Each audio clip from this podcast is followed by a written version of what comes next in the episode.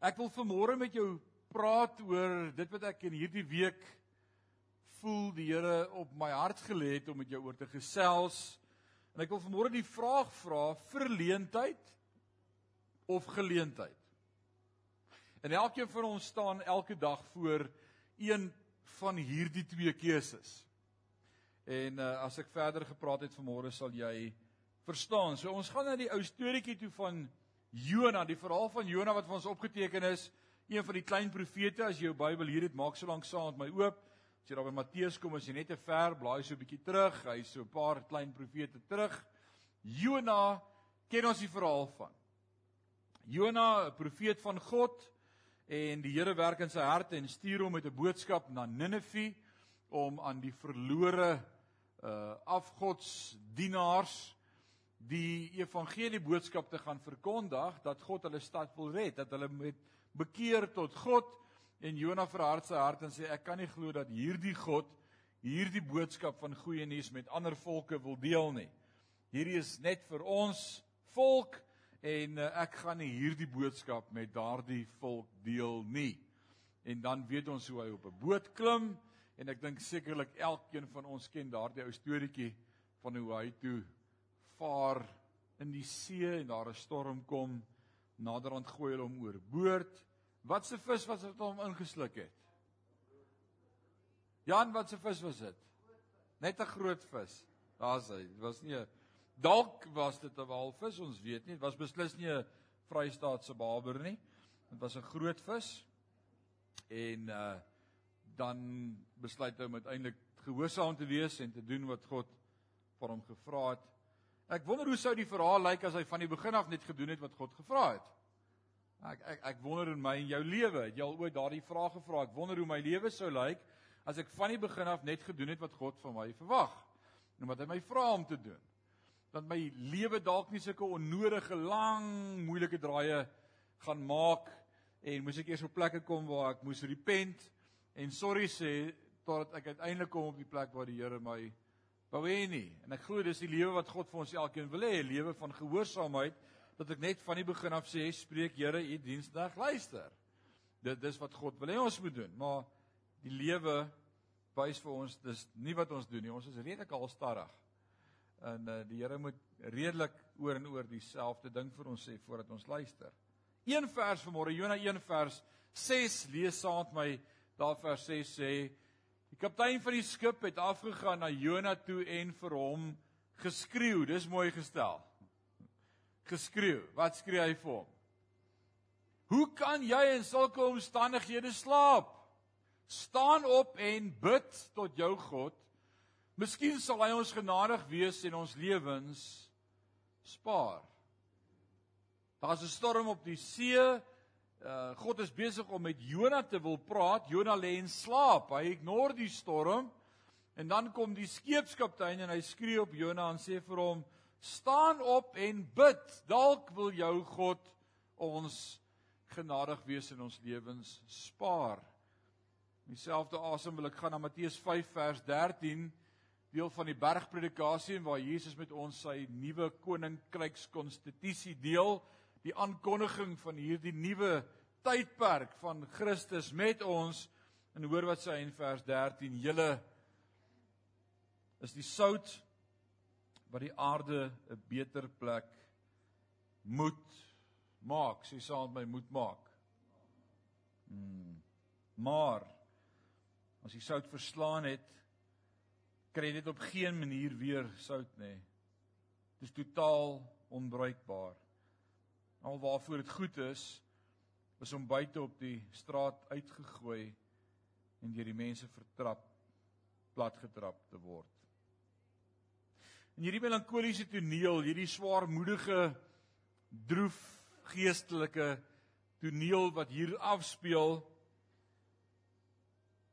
en hoe ander as die normaal waar dit gewoonlik die gelowige is wat die goddelose gelowige bestraf In die wêreld waarin ons leef, is dit gewoonlik die gelowiges wat die goddeloses aanspreek en sê julle moet die Here dien. Julle moet die reguit pad stap. Julle moet julle bekeer. Julle moet julle sonde laat staan. sien ons in hierdie verhaal die teenoorgestelde. Ons sien hoe dit die wêreld is wat die gelowige aanspreek omdat die gelowige lê en slaap terwyl die wêreld besig is om te vergaan.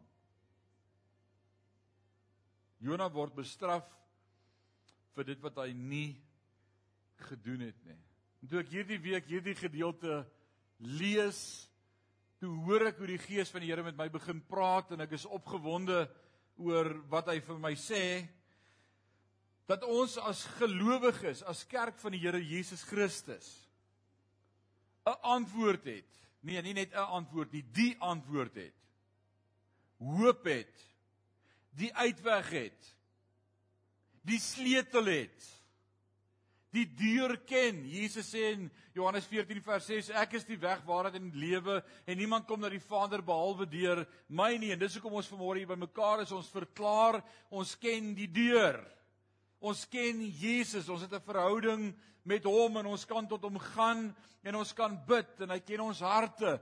Maar die wêreld om ons, 'n donker plek roep na 'n antwoord en hulle sien dit op geen ander plek behalwe in my en jou lewe nie. En hoe tree ons op?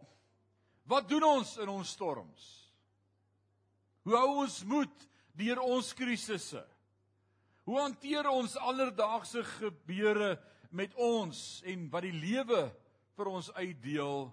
Wat doen ons daarmee en hoe wys ons vir die wêreld dat te midde van dit waartoe ons gaan, God die enigste antwoord is?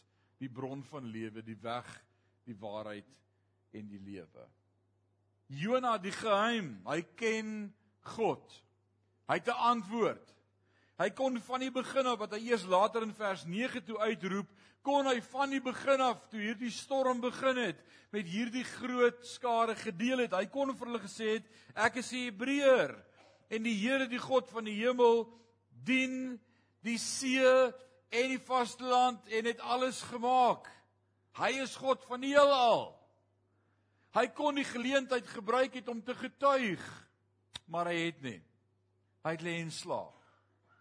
En toe daaroor begin dink, toe sê die Heilige Gees vir my, ons as kinders van die Here wat weet wat die pad bring en waarheen ons moet gaan en ek wil sê ek glo die koms van die Here is voor die deur. Ek glo dit. Ek glo dit. Die woord van die Here sê vir ons in in, in Hebreërs 10 vers 25. Hy sê en vermaan mekaar. Waaroor? Moenie die onderlinge byeenkomste afskeep soos wat sommige van julle die gewoonte het nie, maar vermaan mekaar en dit is te meer dan mate hier die dag van God sien nader kom. Ons moet mekaar vermaan om te sê moenie die swak gewoonte aanleer om by die huis te bly nie, kom kerk toe.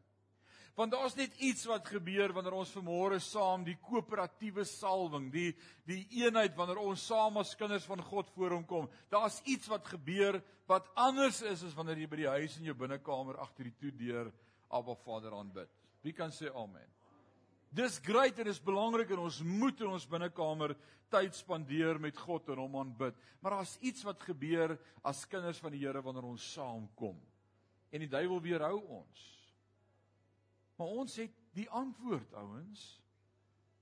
En ons weet die koms van die Here is voor die deur.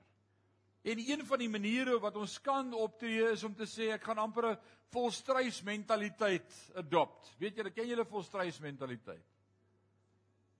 Nou ek hoor ons praat daarvan as 'n volstrys mentaliteit, maar wie van julle het al ooit gesien hoe 'n volstrys sy kop in 'n gat druk? Ek wil weet of iemand dit al gesien het. Ek wil nie van hoor sê sê nie. Het julle dit al gesien? Ek vra wie van julle weet wat is 'n volstrys? Dit nou eers daar begin lyk dit vir my. Ons praat van hierdie mentaliteit van 'n volstrys wat die gevaar nie wil erken nie, sy kop in die gat druk en dan is niks om jou nie. Jy maak net asof jy niks sien nie. En ek kom agter in ons as kinders van die Here se lewe dat dit maklik vir ons is wat die hoop het van 'n ewigheid saam met God, die hoop het van 'n wegraping, die hoop het van 'n hiernamaals saam met hom. Ons kan baie maklik daardie selfde we can very easily adopt the same attitude. Dis die Engelsman dit sal sê. Om te sê wel ek gaan my nie steur om wat om my aangaan nie. Ek gaan nie worry oor wat gebeur nie. Ek gaan nie rondkyk nie. Ek gaan nie angstig raak nie. Die Here kom ons haal en ek gaan saam en dis alwaaroor ek worry. En dis amper die gesindheid wat Jonah gehad het in die buit as hy lê en slaap. En ek wil sê dis die verkeerde gesindheid om te hê. Dis goed om te weet hy is jou anker en jou hoop en jou vaste fondasie en en jy gaan saam Jesus en ons weet dit en ons glo dit en dit bring vir ons hoop maar die gesindheid om te hê is om jou storm te gebruik om te getuig vir die mense om jou wat so desperaat is vir 'n antwoord van God. Hierdie wêreld van ons is desperaat om te hoor wat sê die Here. En hulle ore is toe om te hoor wat sê die Here. En ek besef en ek wil dit vanmôre verklaar dat elke storm waardeur elkeen van ons gaan en elkeen van ons gaan deur storms. Elke storm is ontwerp sodat jy daardeur die geleentheid het om te getuig van jou vertroue en jou hoop in God. Dis so. As ek vir Walter vra, Walter, hoe gaan dit? En ek kan in sy oë sien dan hoor ek die woorde wat sê ek hou vas aan die Here. Dis wat ons het. En dis die desperaatheid van die wêreld wat by my en by jou wil weet wat is die geheim? Wat is die antwoord? En ek wil vanmôre sê in die lig van dit wat môre in ons land gaan gebeur en ek weet nie wat sien jy as jy na die toekoms sien nie. Die woord sê moenie worry oor die dag van môre nie. Hy het sy eie worries en sy eie bekommernisse, maar ek sien effens rooi. Lyk maar bra rooi môre. Ek hoop nie jy sit ook jou rooi berei op jou kop môreoggend nie. Maar ek en jy het 'n antwoord. Ek en jy het iets om te bring. Ek en jy het het lig, ons het hoop. Ons het geloof, ons het 'n anker. En ek wil vir sê wat hierdie wêreld nodig het, is Christus. En ek wil nie môre lê en slaap as gelowige en sê, "Wel, ek weet ek is veilig en as ek moet gaan, weet ek waarheen ek gaan en ek is ten minste gered." Ek wil hê God moet aanhou en saamvat. Ek wil hê my bure moet weet ek is 'n gelowige en ek bid. Hulle moet amper sê, "Jong, omdat ons langs Rinus bly, kan ons rustig weet want ons weet hy bid." Wanneer ons in 'n storm is, hou ons hom net dop om te weet hy bid en ons het vrede. Dank die Here ons bly langs hom. Dis dit wat ons bure van ons kan sê. Dis dit wat ons gesinne van ons kan sê. Ons dank die Here vir 'n pa of 'n ma wat vashou aan Christus. So lekker om by die huis te wees in 'n storm, want ek weet waar my pa is, is daar vrede. Dis die antwoord wat die wêreld na smag. En dan raak ek en jy so vinnig ingesluk in die tydsgees en bekommernis en die WhatsApps wat ons rondstuur en hoe ons mekaar probeer waarsku, bly veilig en en uh oh man, nee, ons het hoop man, ons het Christus. Ons het 'n ander gees wat in ons is as die gees wat in die wêreld is. Die woord sê ons het nie 'n gees van vreesagtigheid nie en daarom wil ek vanmôre enige gees van vreesagtigheid kom bestraf in die naam van die Here. Hy sê ek het jou nie gees van vreesagtigheid gegee nie, maar van liefde en van krag en die heel laaste die belangrikste een selfbeheersing. Weet jy wat beteken selfbeheersing? Selfbeheersing. Sê dit saam met my selfbeheersing. Jy moet jouself beheer. Party van julle het glad nie die vermoë om jouself te beheer nie. Glad nie. Jy raak totally out of control. Totally out of control. As jy stres, as jy heeltemal uit beheer uit. Die Engels sê dit so vir my so mooi en hy stel dit baie meer korrek en nader aan die aan die oorspronklike idee wat vir ons verkondig word is God has not given us a spirit of fear but of love, power and a sound mind. Hier's die probleem, hier's die oorlog. Hierso. O, ek sien al hoe hier, hier's die groot probleem. Dan party van ons het 'n skroef los. Hm. Jy kan nou vanmôre sê jou pastoor het van die kans af gesê mense het skroewe los. Dis oukei, okay, maar dis waar. Hier's die probleem, self-control. Hier's die probleem. Jy lê in die aand en ewe skielik voel jy jy's hier's ek hier's nou iets nie lekker nie. Hier's ek ja, kry ek dalk ek kry hartaanval. Ek kry hartaanval. Ooh, die Here net nie my nou kom haal nie. Dit is die snaakste. Walter, almal van ons wil hemel toe gaan, maar ons wil net nie doodgaan as ons gaan nie. Dis amazingste. Hoe wil jy daar kom ons? Hou op jou asem. Sê Here, as my tyd is, moes my tyd, ek kom. Nee, bel die dokter. Hoeveel keer het Walter al vir my vertel hy moes uitdaag na pasiënt toe wat 'n hartaanval kry en dan sit net bietjie windig gewees. Wat jy Walter? Gas. Vals alarm. Maar dadelik is die duiwel daar met die gedagte, "O, oupa het ook so pyn gekry voor hy dood is." O, dis my tyd. En jou gedagtes is waar die oorlog is, ouens. Hier's waar jy beheer verloor, jou gedagte wêreld. En ons moet hierdie gedagte moet ons ons moet hom gevange neem. Sê die woord tot gehoorsaamheid aan die woord van God. En ek wil sê moenie na die dag van môre kyk en paniekerig raak nie. Asseblief, geen paniek nie. Maar ek wil vir julle sê ons het 'n antwoord. Ons het hoop. Ons het die goeie nuus, Jesus Christus. En ons moet dit proklameer en verklaar. En ons kan nie môre slaap en 'n kerk wees wat slaap te midde van wat gebeur in ons land en net sê laat God se water oor God se akker loop nie. Nee, dit sal sonde wees. So die Heilige Gees het in my hart my gelei en ek het soveel ander pastore gesien en van gehoor wat dieselfde doen môre en ek kommit ons gemeente om van môre vanaf die son opkom 6 uur die eerste uur elke uur gaan ons bid elke uur gaan ons bid 6 uur 7 uur 8 uur 9 uur 10 uur 11 uur 12 uur 1 uur 2 uur. Jy stel jou alarm repeat 60 minutes. En elke keer as hy sê piep piep piep dan sê jy ek gaan net eers bid. En al wat ons bid is Here ek spreek lewe. Ek spreek u plan. Ek spreek u drome. Ek spreek u woord. Laat God se koninkryk kom laat u wil geskied soos in die hemel so ook op die aarde. O mense, hierdie wêreld moet draai na God. Al het God bitter nodig. En ons het 'n antwoord. Ons het hoop. Ons het hoop. Nou wil Siri met my staan en praat hier terwyl ek preek. Ek fire Siri nou. Ons ons het hoop. Ons het 'n anker. My anchor holds and meet the solid rock. Be very sure be very sure.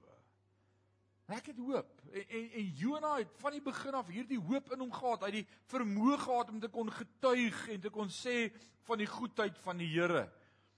In steede van slaap moet ons besig wees om soos die psalmdigter die kragtige getuienis van hoop en lewe aan die wêreld te bring. Hoor wat skryf die psalmdigter in Psalm 46 vers 2 tot 4. Die mooiste woorde en ek hoop jy sit dit sommer vandag op as jou tyd is vir elkeen wat kyk na jou en jou dop hou om te hoor waar's jou geloof. God is 'n toevlug en sterkte. As hulp is hy in die hoë mate beproef. Daarom sal ons nie vrees nie. Al sal die aarde verdwyn en die berge skuif tot in die dieptes van die see, al druis die skuim en die waters van die see en al skud die berge deur sy omstymighede, God is my toevlug. Ek wil dit uitskree, my bure moet dit weet. My vriende moet dit weet, my huishouding moet dit weet. Elkeen wat met my pad stap moet weet, my vertroue is in die Here.